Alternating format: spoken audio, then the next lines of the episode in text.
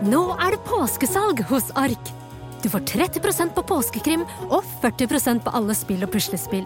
Jeg gjentar Ark har 30% på et stort utvalg krim og 40% på spill. Det er mye påske for pengene.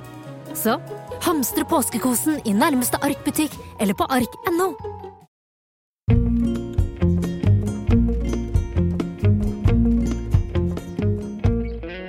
Audun Garthe ble dømt til syv års fengsel i norgeshistoriens største mafiarettssak. Nå mener han at politiet har jobbet sammen med hemmelige agenter for å forfalske bevis og få ham dømt. Dette er skyldig til det motsatte er bevist. En podkastserie i ti deler fra Avhørt, del tre.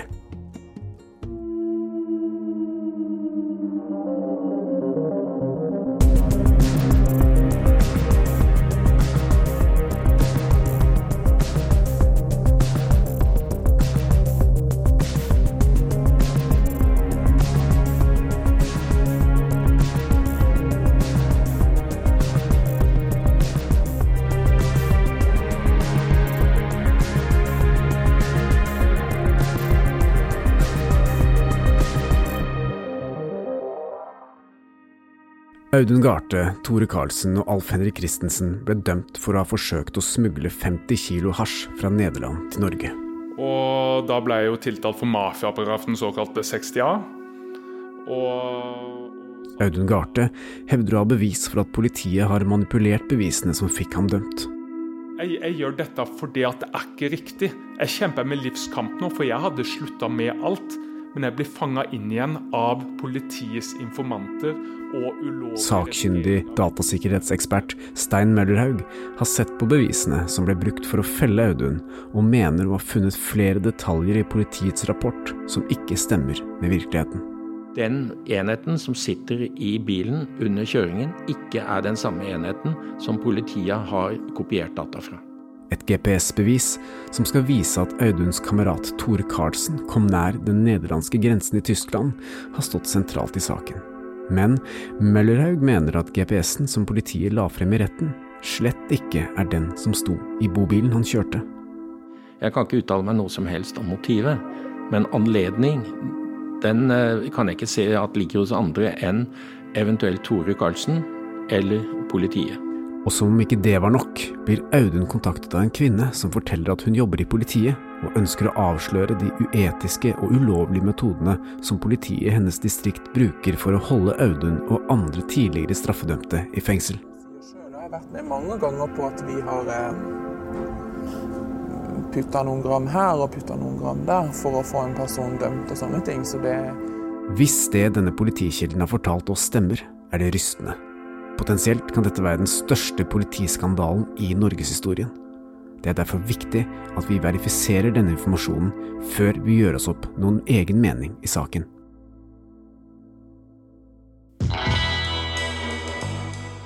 I et forsøk på å finne ut mer om hvordan politiet i Agder opererer, har vi kommet i kontakt med en person som i flere år har fungert som informant for politiet, og vi avtaler et møte.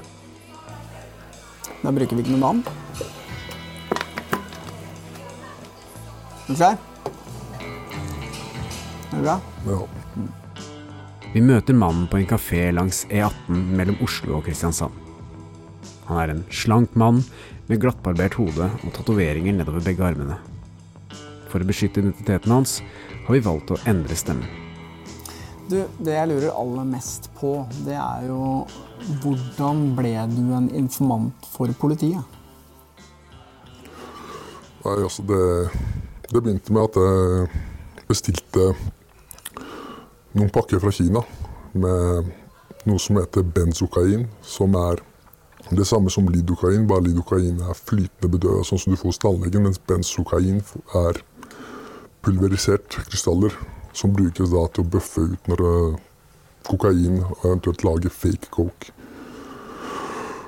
Eh, Så ble en av de pakkene en dag uh, stoppa på Gardermoen, og jeg hadde full razzia hjemme. Og i den forbindelse så På den tid så kjente jeg en annen som var informant, som har fortalt meg at uh, han får mye hjelp med alt mulig, uten å gå inn på detaljer. Bl.a. økonomi og sånne ting. Uh, og han fortalte også hvem han var informant for, da, hvordan han sjøl kom inn på det nivået. Og den razziaen jeg hadde, da var, var det han, den mannen som han var informant for. Da avslørte jeg for han at jeg visste at det fantes informanter, og at jeg kjente eh, ja, det vedkommende som er informant, for ikke navngi han. Eh, altså jeg advarte egentlig politimannen her med at informanten hans har svær i kjeften. Han, han, snakker litt, det kan gi ham problemer. Det var sånn jeg fikk foten inn og begynte å prate med han. da, Og fortalte hvem jeg var og hva jeg holdt på med i fortid, og hva jeg var interessert i. da. Lurte på hva han kunne tilby imot det. Til å begynne med så var det egentlig ikke så veldig mye. Det tok en liten stund før vi ble litt kjent, før han følte seg trygg på meg, og jeg på han òg, for så vidt. Eh, jeg har alltid stilt meg spørsmålstegn. liksom. Ting kan høres for godt ut til å være sant i noen tilfeller. Sånn som det her med det førerkortet. Eh, jeg har aldri hatt norsk eh, førerkort og aldri hatt lov å kjøre bil i dette landet. I en sammenheng så fikk jeg ja, Politiet ville ha informasjon ut av meg, både fra miljøet og oppover. Og det eneste måten jeg kunne da bevege meg på, faktisk holde øynene oppe da, og få med meg finne ut av ting, så måtte jeg også kunne kjøre bil. Det var sånn det starta. Og der fikk jeg et førerkort, sånn midlertidig førerkort eh, som var, var gyldig seks uker av gangen. Men det du sier er jo at ok, da du ble informant for politiet, så, så hadde ikke du noe førerkort som du kunne kjøre med i Norge, og det har du aldri hatt heller. Mm. Så politiet ordnet en midlertidig kjøretillatelse for deg, slik at du kunne komme deg rundt. Ja. Så det fiksa de bare sånn, ut av det blå. Nei, jeg fikk det, da. Så ble jeg overraska sjøl. Jeg trodde det bare var egentlig en spøk, at det var mulig. Men det var faktisk mulig. Jeg fikk det. Eh, jeg mista det også. Jeg ble kjørt for fort to ganger i to forbindelser eh, med bilen jeg hadde. Og ble jævlig forbanna og ringte til eh, ja, politiet og sa det at jeg ble stoppa, og de tok det fra meg. Da fikk jeg beskjed om at jeg måtte bare roe meg ned. Det som, det som var viktig, er at når jeg ble stoppa av UP og sånne ting Jeg måtte aldri fortelle de hvorfor jeg har fått det førerkortet. Jeg måtte ikke si noen ting. Det var bare hold kjeft, la de ta det, så fikser de det, den samtalen. Jeg måtte aldri røpe at jeg var info, informant for andre politimenn som jeg treffer som jeg ikke kjenner. Sånn som UP når de stopper deg. Det var også en sånn ting som var greia, og det gjorde jeg ikke heller. I to forbindelser da, som jeg kjørte for fort og mista, mista det midlertidige førerkortet, så har jeg fått det tilbake servert på, av en annen patrulje som da har kommet og levert det til meg. Men var det noen andre tjenester som politiet gjorde for deg for at du eh, skulle være informant? Nei. Ingen andre tjenester? Ikke tjenester, eller hva ja, Hadde du noen fordeler av det? Og så Fordelene var at uh, jeg røyka hasj. Men jeg gjorde det kun på kvelden. Jeg brukte det til å, til å sove på. Jeg sleit med søvn. Det er noe jeg har slitt med i mange år. Uh, og jeg tenkte ikke inntekt. Jeg hadde jo ikke noen ting, egentlig. Sånn uh, Og jeg har jo en min egen krets, da. Der, med røykere. Som jeg solgte hasj til, og ja, i veldig liten grad. Altså i grammere, femmere, tiere. Ja, smått, da. Innenfor en liten sirkel. Og det, det, var jeg ærlig med politiet om og sa det rett ut. At det er noe som jeg aldri kommer til å slutte med heller. Det kommer alltid til å være der. Sånn Hva sa de til det, da? At du skulle fortsette å selge? Uh, det, det, det, de alltid sier enda den dag i dag, til mange andre som jeg vet òg, det er det samme ja, Så lenge du holder deg innenfor bare den hasjen, og det er liksom kun de her femmerne, så, så er ikke vi interessert i det. Eh, men jeg var ikke interessert i å få problemer pga. det. Eh, I forbindelse med verken kjøring eller For det har ofte vært razziaer.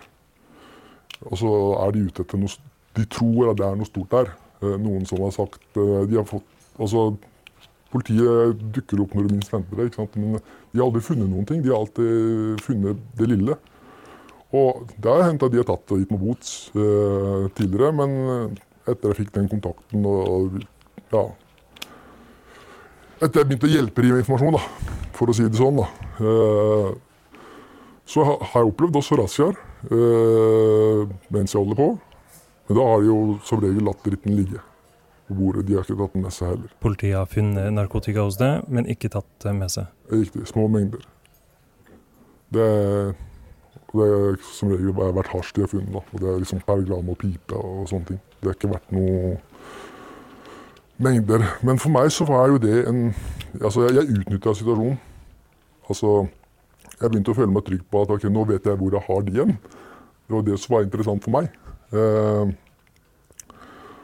eh, så når jeg hadde den dealen, så så tjente jeg jo litt mer penger. Altså, jeg solgte jo litt mer enn det som egentlig jeg sa. Du skrev på selvangivelsen. ja, kan, du kan si det sånn, da. Men eh, eh, jeg solgte med jeg solgte jo litt mer narkotika enn den lille hasjen som jeg oppga at det var kun det jeg holdt på med. En god stund. Bak ryggen på de. Så en dag så satte jeg meg i bilen. Da var jeg rusa. Alkohol og piller.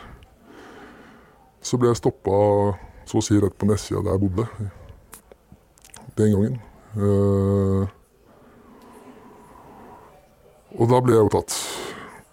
Rett på glattcella ble fratatt det førerkortet. Og de hadde razzia.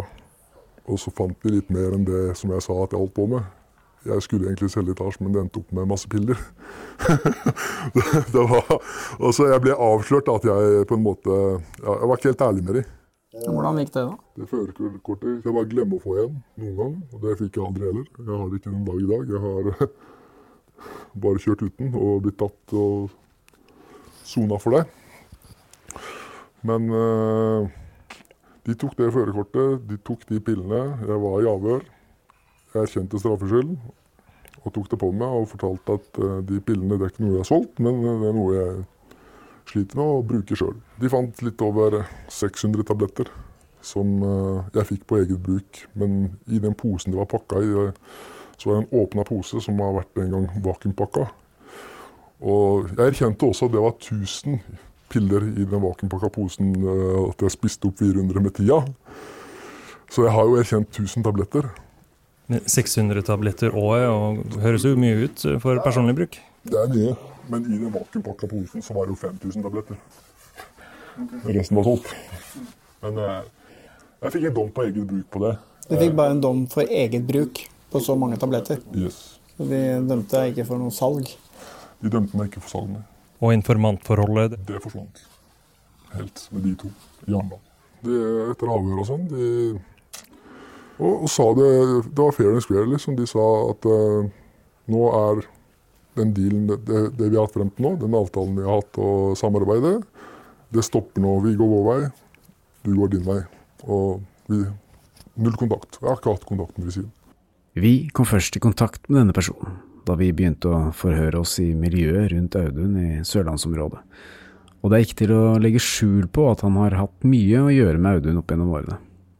Og vi håper derfor han kan gi oss litt mer innsikt i hvorfor politiet har den interessen for Audun som han selv påstår at de har.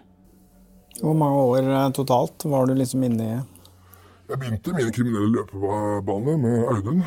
Første smuglerturen vår var jo fra København med nesten to kilo hasj den gangen. Det var stort. Da var jeg 16-17 år, faktisk. Også, Hvor gammel var du da du kom ut av det? Jeg eh, har vært fullstendig rusfri nå i snart to år. Men jeg lurer på er jo fordi, eh, sånn som vi har forstått, så har jo politiet hatt en uh, viss interesse av Audun Garte i mange år. Og vi uh, vi prøver også å finne ut av uh, hvordan politiet har jobbet i forhold til Audun og særlig denne Sult-saken. Ja. Og da lurer jeg på uh, Kom politiet noen gang til deg og ønsket uh, informasjon om Audun Garte? Ja, absolutt. Det er altså det er, det er sånn Jeg vil si regelmessig, faktisk. og så det begynte Altså, ja, de har det. Uten at jeg trenger å Men Kan du fortelle litt om eh, hvordan du opplevde det, og hva slags informasjon de var ute etter? Nei, altså Jeg har jo fått politiet nysgjerrig sjøl på meg. da, At jeg sitter på veldig stor informasjon der ute som jeg frista de med, imot at de altså, Ga deg de litt slekket tøyler? Ja, du kan si det mildt på, på det. Eh, og i, i, den forbindelse så er jo den største jeg kjente Audun, da. Ikke sant? Men eh, Og da har det jo kommet spørsmål. Eh, spesielt knytta til han. Og det er jo hver gang du har kommet ut ifra en soning, så har de vært på. Åssen går det med han? Har han Holder han seg, liksom? Har han begynt igjen? Du om noe? Og sånn og sånn. Så det begynte sånn, ikke sant. Så sier jo jeg nei, jeg vet ikke, han er jo akkurat kommet ut og sånn, men jeg kan jo Så sier jo jeg at jeg kan faktisk finne ut av det. Men jeg har bare trenert. Jeg holder på, jeg holder på, jeg holder på. Men jeg har jo ikke vært med han på en eneste tur utenom våre første turer jeg holdt på siden vi var små. Og det er jo sånn jeg har holdt de gående, og, og nysgjerrige, liksom. Eh, det eneste jeg har sagt om Audun til politiet, og det, det er noe jeg har visst sjøl, og det har jeg snakka med gutta om, våre felles venner som har streite og sånn nå, da. Og så, Jeg visste jo at Audun hadde store problemer. Sleit. Altså, han Han var under press, da. Eh, og Hva slags press? Audun har vært litt snill med mange andre mange folk. For dumsnill, egentlig. Men det har kosta han masse gjeld eh, i ettertid. Narkogjeld. Og før eller siden så skal jo alle ha pengene sine. Og når man ikke har de pengene, så får du et problem. Da Da blir du tvunget til å gjøre det ene og det andre. Ok, Så du, du visste at Audun eh, hadde et stort press på seg pga. narkogjeld? Og skyldte penger til folk som ikke var helt gode? gode? Og det delte du med politiet? Ja, jeg, jeg gjorde det faktisk uh, til syvende og sist. Uh, det tok litt tid før jeg, jeg visste det, og det, jeg hadde noen diskusjoner med min kilde. Uh, Kildefører. Ja. Mm. Og prøvde å høre med han hva Er det noe vi, jeg kan hjelpe han med? Eller han. Og det Det var små muligheter, men da måtte Audun være villig til å være med på det også. Eh, noe i ettertid aldri ble noe av. Og det, jeg har ikke hatt så mye, mye trua på det her eh, med Tore. Altså det, Tore Karlsen. Jeg kjenner han fra miljøet. da. Hvilke forhold har eh, Tore til politiet, da? Vet du noe om det? Nei, altså, Jeg kan ikke bekrefte noe eh, som jeg kan si at jeg vet, som noen, i hvert fall i det nettverket mitt med politiet, som har i hvert fall sagt noe om det. Men jeg ser metodene i saken til Audun, og de er prikk like som ja, Det der kunne jo vært meg hvis, hvis de hadde brukt meg i en sånn sak. Og så bli dømt i Norges største mafiasak og få samfunnsstraff, liksom, det forteller hva for meg mye. Hvis jeg eh, Altså, han er jo en informant.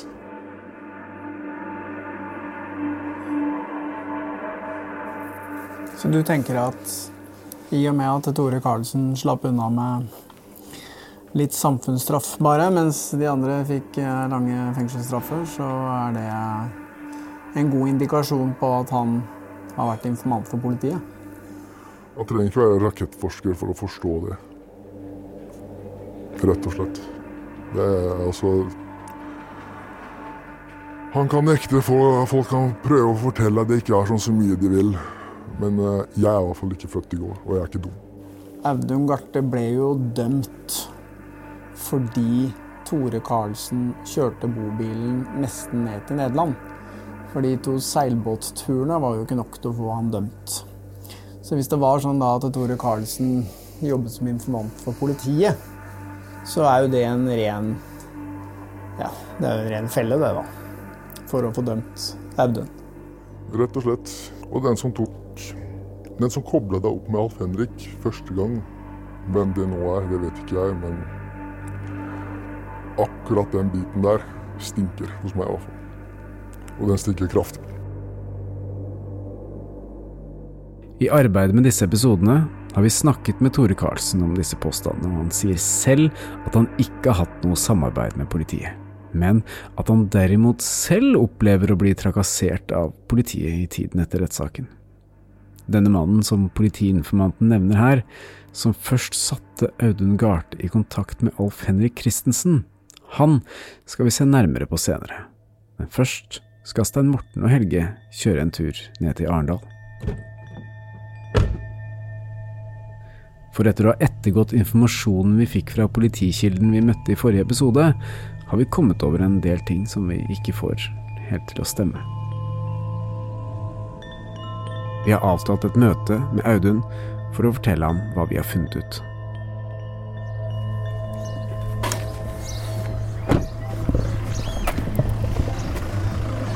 All right. Lurt, vi. Hva har skjedd? Vi bør nok ha vært litt mer våkne. Fra hun der eh, politikilden som Audun kom med, eller som muligens har kommet til Audun, det vet vi ikke. Vi skal prøve å få tak i han her nå.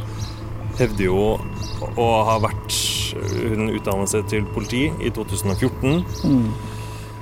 Og har nå fått tilgang til den her informasjonen på det politihuset på et tidspunkt som vi ikke får til å stemme, da. For det, den informasjonen må jo ha kommet til hun i politiet der i 2015, 16, noe rundt det, når hun fremdeles studerte. Ja. Og vi finner ingen informasjon om at hun skal være politi noe sted. Nei, det, er, det stemmer ikke. Men nei, det er veldig Det er veldig rart, altså. Altså, Jeg har ikke vært borti sånn lystløgner. Aldri. Ikke som jeg vet, i hvert fall. For når hun sitter og prater, så Hun virker jo Prater på en overbevisende måte. Ja. Vet oss ned på kaia? Der, ja.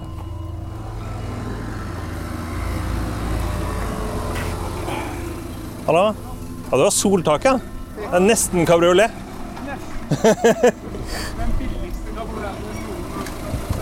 Det er nesten så huet ditt stikker opp gjennom Jeg skulle sette en av hagemøbler forleden. Stakk de så høyt opp, vet du. Alle bare Det er det vi, vi driver og vi er, Det vi alltid må gjøre, selvfølgelig, er jo å gå litt sånn etter kildene våre i sømmene. Kan vi jo bare gå litt ned? Slippe å stå Jeg har noen spørsmål. Jeg er ikke prøvd å gå opp, da. Ja. Men hun uh, Vi traff. Ja. For hun sier at hun begynte på Politihøgskolen i Stavern i 2014. Ja. Det tar tre år å bli politi. Ja. Da var hun ferdig våren 2017. Og så sier hun at da du ble satt inn, ja. det var juni 2017, ikke sant? Det var juni 2017. 12. Ja. Da sier hun at hun hadde sett en e-post som gikk rundt om, at, eh, om deg, og du skulle aldri slippe ut igjen hele pakka, ikke sant? Men da var hun ikke ferdig på skolen engang. Juni 2017. Kan ikke ha vært ferdig på skolen. Hun var jo ferdig på skolen da. Hvordan verden kan hun ha kommet Er det inn- tre år, ja? Altså, jeg vet jo ikke hvor ja. Det er eh, ett år på skole, ett år i praksis. Hun kan ha hatt praksisåret sitt i Søgne, som hun sa. Ja, Var det ikke det hun sa? At hun hadde praksisen Ja. i Søgne? Så er Eller utplassering, eller Men vi får jo ikke den datoen til å stemme. For hvordan i all verden har hun sittet i en sånn rolle og, og fått den mailen hvis hun Altså, du er ferdig i juni 2017 på skolen. Den, Nei, juni 2017 var jo når jeg ble ja, satt inn i men da er hun ferdig på skolen også, hvis hun begynner Ja. i 2014. Ja. Eh, men det er liksom den tidslinja her. Også hvis vi tar da fra hun går ut av skolen 2017 og fram til nå. Det, er sånn, det er noe som er litt rart her. Mm. Ikke sant? Og det gjør at vi må rett og slett Vi er nødt til å få Sjekke litt. verifisert på et eller annet vis at hun har den jobben hun sier hun har. Ja. At hun hvis ikke så prøver hun å fucke oss. Ja, men, deg. deg ja, men, de grader, ja, men, altså. men jeg greier ikke å skjønne motivasjonen. Ja, jeg, vi har Vi har- spekulert ja. litt på det. Okay. Ja, og jeg sier ikke at det er sånn. Nei, jeg ble Men i bare litt verste sånn fall- Martha hadde den samme, ja. veldig dårlig Ja, men i verste fall så har vi en person som har sett deg på TV, sett deg, Ja. og så har hun fått en fiksering på deg. Men vi har jo sittet og snakka om det. Er, det. er det mulig å bli en sånn lystløgner, liksom? Ja, men sant? Har du sjansen til å sjekke opp denne her kilden? Ja, men det er jo et tvega sverd, det, da.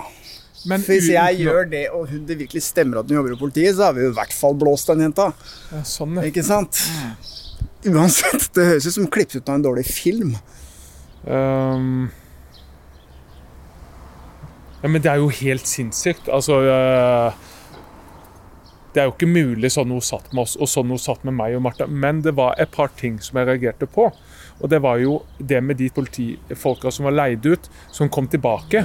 For det var sånn hun sa det til meg. Så sa hun at de kom tilbake, og de sa bekrefta at, det var, at det var skjedd så mye eh, skittent politiarbeid. Men det var det, da? For Martha sa det er, det er et eller annet med denne personen. Jeg kan ikke si hva, hvorfor har den tatt, tatt kontakt, og hvorfor er den liksom så ivrig etter liksom å hjelpe og, Det det og, og, og, og si alt. Og denne avlyttinga og liksom Ja, Så var hun litt sånn derre Ja, vi plasserer jo bare et gram her og der, og da, hus- da husker jeg tenkte Really?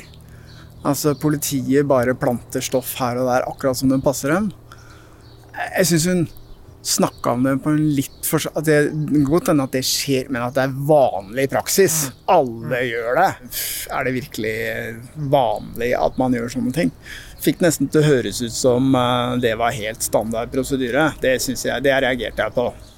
Men ja, det, Jeg ser er at du ønsker å tro det her, Audun. Ja, ja, det er vi, vi noe- ønsker jo det mer. det er noe- det er Men vi må bare finne ut av det. Men det viktigste er å finne ut om hun faktisk jobber i politiet. Ja.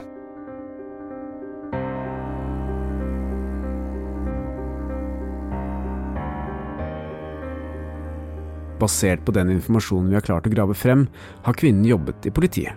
Men ikke som politi, snarere som en sekretær. Langt fra den jobben som spaner og etterforsker som hun presenterte for oss. Hva ligger bak en sånn løgn? Er det et desperat forsøk på å hjelpe Audun? Eller er det hun selv som roper om hjelp?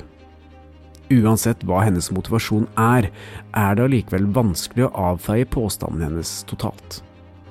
Hvis vi skal tro på det vi fikk høre fra den tidligere politiinformanten, er det flere politifolk som benytter seg av metoder som ikke er helt etter boka. Men i hvilken grad skal vi stole på ordene til en kriminell? Vi har ikke noe annet valg enn å grave videre. I forrige episode så vi nærmere på det såkalte GPS-beviset, sammen med ekspert på datasikkerhet Stein Møllerhaug, som også var innleid som Auduns sakkyndige i saken. For å forklare dette kort, ble det i rettssaken fremlagt et bevis i form av data innhentet fra en GPS som satt i bobilen som Tore Karlsen skulle kjøre fra Norge til Nederland for å hente hasjen. Carlsen kom seg aldri til Nederland, men stoppet til slutt et sted i Tyskland, ikke langt fra den nederlandske landegrensa. Dette er i hvert fall det dataene fra GPS-en viser.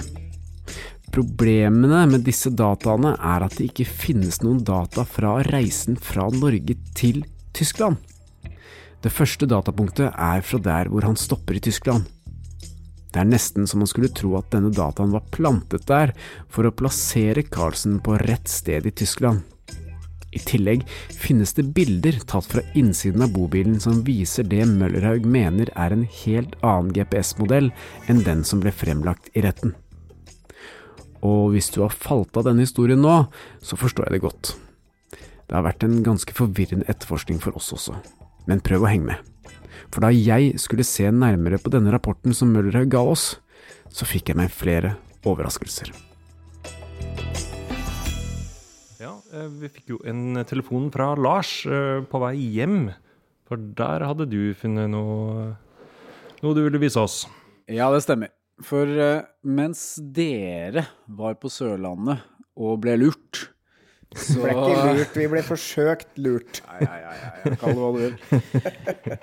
Så kikka jeg litt nærmere på den rapporten som sakkyndig Stein Møllerhaug la igjen hos oss når han presenterte det han hadde funnet ut om denne GPS-en som var med i bobilen eh, som Tore Karlsen kjørte angivelig til Tyskland. Ja, eh, Møllerhaug eh, hevder jo at eh, på et bilde fra den bobilturen, så er det en annen GPS som er avbilda enn den som ble lagt frem i retten. Ja. Og eh, jeg har kikka litt på denne rapporten, og jeg kikka litt på de eh, bildene som han mener beviser at det er en annen GPS i bilen enn den som blir framlagt i retten. Og han påstår at um, man kan se med det blotte øye at dette er en annen type GPS enn eh, denne Garmin Nuvi 255W som politiet har eh, lagt frem. Ja, han sier jo at uh, den GPS-en man ser på bildene, er kvadratisk, altså at den er omtrent Nær, nær han, han sier like- nær kvadratisk, for det han, det han sier er at denne er eh, 10 høyere enn den er bred. Ja. Og eh, jeg fikk meg da en liten overraskelse da jeg kikka på den rapporten her. Fordi jeg ser jo umiddelbart at den GPS-en som er avbildet, som da er tatt av eh, det som da var kjæresten til Tore Karlsen, som satt på i deler av den eh, turen med bobilen. Hun tok noen bilder ut av frontruta på bilen. Eh, Den GPS-en som er montert i frontruta der, den er ikke høyere enn den er bred. Den er faktisk eh, bredere enn den er høy. Og vi snakker mer enn 10 Uh, uansett uh, i, breddeforholdene her. Har du noen bilder å vise oss, eller? Her ser dere da det ene bildet som han legger med i rapporten sin. Hva ser dere? Jeg ser en GPS? Eh, Ser Som- den ut som den er høyere Nei. enn den er bred? Nei, det gjør den ikke. Det er bred, bred format. Ja. Han skriver i rapporten på Garmins websider finnes det ikke lenger bilde av en Garmin Nuvi 255W. Et internettsøk finner gjeldende modell bl.a. på Dustin, hvor produktet beskrives som utgått og kan ikke lenger bestilles. Um, her må jeg arrestere Møllerhaug med en gang, fordi jeg finner uh, uten tvil bilder av dette produktet på Garmin sine websider. Uh, Men det kan jo rett og slett være fordi han eh, ikke har googla godt nok. Og så skriver han videre at fra produktbeskrivelsen fremgår det Nuvi 255W, og her er han sitert fra nettsiden, eller fra denne Dustin-nettbutikken, da. Nuvi 25, eh, 255W, helt ny innstegsmodell med 4,3 widescreen display i Garmins enormt bla, bla, bla. Dette er da beskrivelsen av dette produktet som han mener at det ikke er. Og han, eh, han noterer seg her det er viktig å merke seg med 4,3 widescreen display i produktbeskrivelsen. Dette indikerer at enheten har en skjerm som er videre enn den er høy. Oi, oi, oi, altså ok. 4,3. Det her eh, er noe vi kan, så er det formater. Vi har jobba med TV-bransjen i mange, mange år. Og det han, han, han, han blander sammen 4,3 med 4,3. 4,3-formatet ja. er eh, Åh. breddeforholdet 4-3 som vi kjenner fra gode, gamle 90-talls-TV-en. Mm. Eh, som ikke har det widescreen-formatet som vi er vant til i dag. Men eh, hvis man ser, bare ser litt nærmere på den produktbeskrivelsen fra Garmin, så står det at det er en skjerm som er 4,3 tommer. Altså det er større, altså som man kjenner altså TV-en du har hjemme er kanskje 50 tommer da. Dette er en 4,3 tommers eh, widescreen-skjerm. Altså ikke en 4 kolon 3 eh, breddeformat-skjerm. Så allerede her er det en, eh, er det en feil da. Men det er så merkelig at han, han, han poengterer at det er en widescreen, men samtidig sier at, det er en, at den har formatet 4,3. Hva, hva, hva, hva har han drevet en, med? eh, Det er jo en formatmisforståelse her, og det, men det jo Blant bevisene jeg har sett nærmere på, er altså dette bildet som ble tatt ut av frontruta på bobilen. Bildet er tatt av Michelle, Tores daværende kjæreste, som reiste fra Norge til Danmark for å ta del i bobilturen. Bildet viser en GPS montert med en sugekopp over dashbordet. Møllerhaug mener at bildet viser en kvadratisk GPS-enhet som ikke er en del av Garmin sin produktlinje. GPS-en som ble fremlagt som bevis i rettssaken, var en Garmin 255W, en rektangulær enhet som Møllerhaug mener ikke ligner på den på bildet. Jeg mener det stikk motsatte. Kan det hende at vi rett og slett har misforstått Møllerhaug sine påstander? Det er bare én måte å finne ut det på.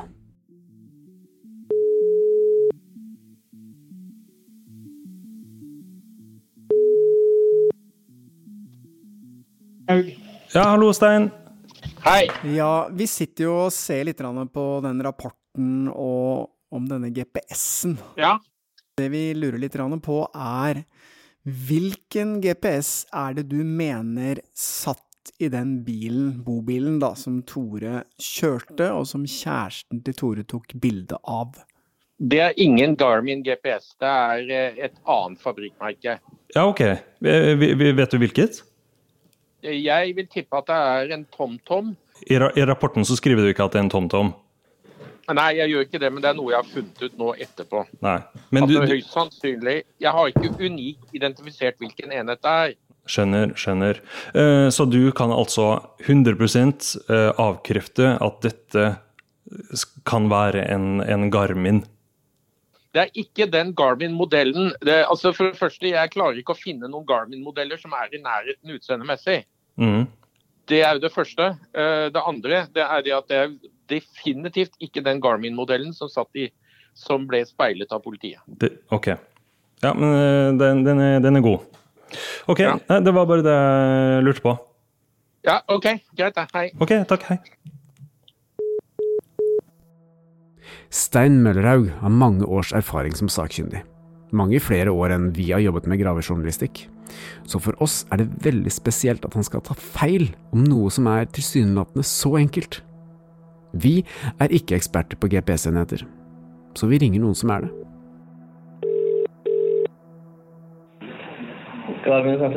Ja, god dag, du. Der eh, er Helge Molberg. Vi snakker en stund med en ekspert fra Garmin, produsenten som står bak den GPS-modellen som skal ha stått i bobilen.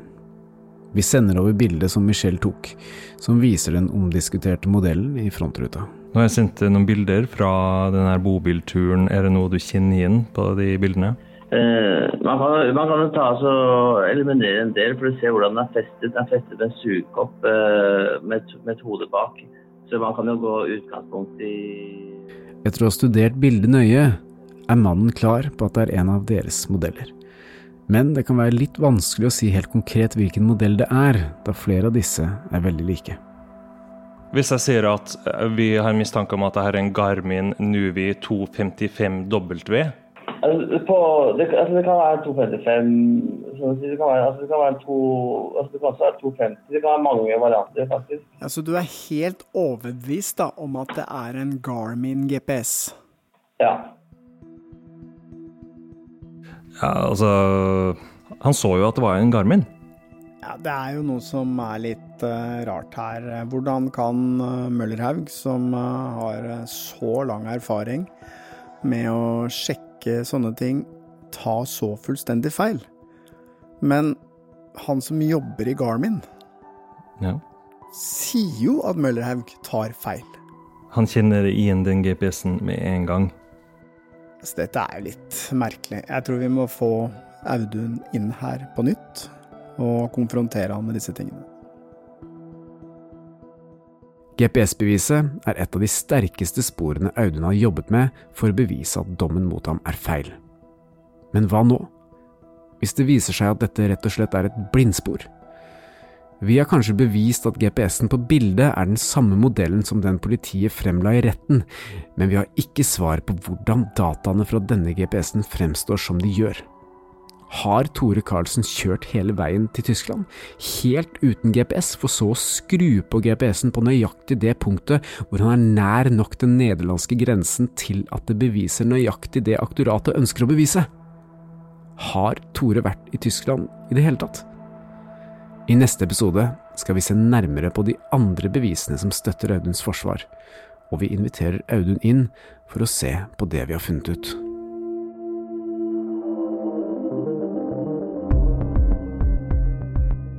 Skyldig til det motsatte er bevist er en avhørt produksjon av Batong Media. Redaksjonen vår består av Stein Morten Lier, Helge Molvær og Lars Christian Nygårdstrand. Temamusikken vår er laget av Altered States, og du finner oss på Facebook som Batong Media.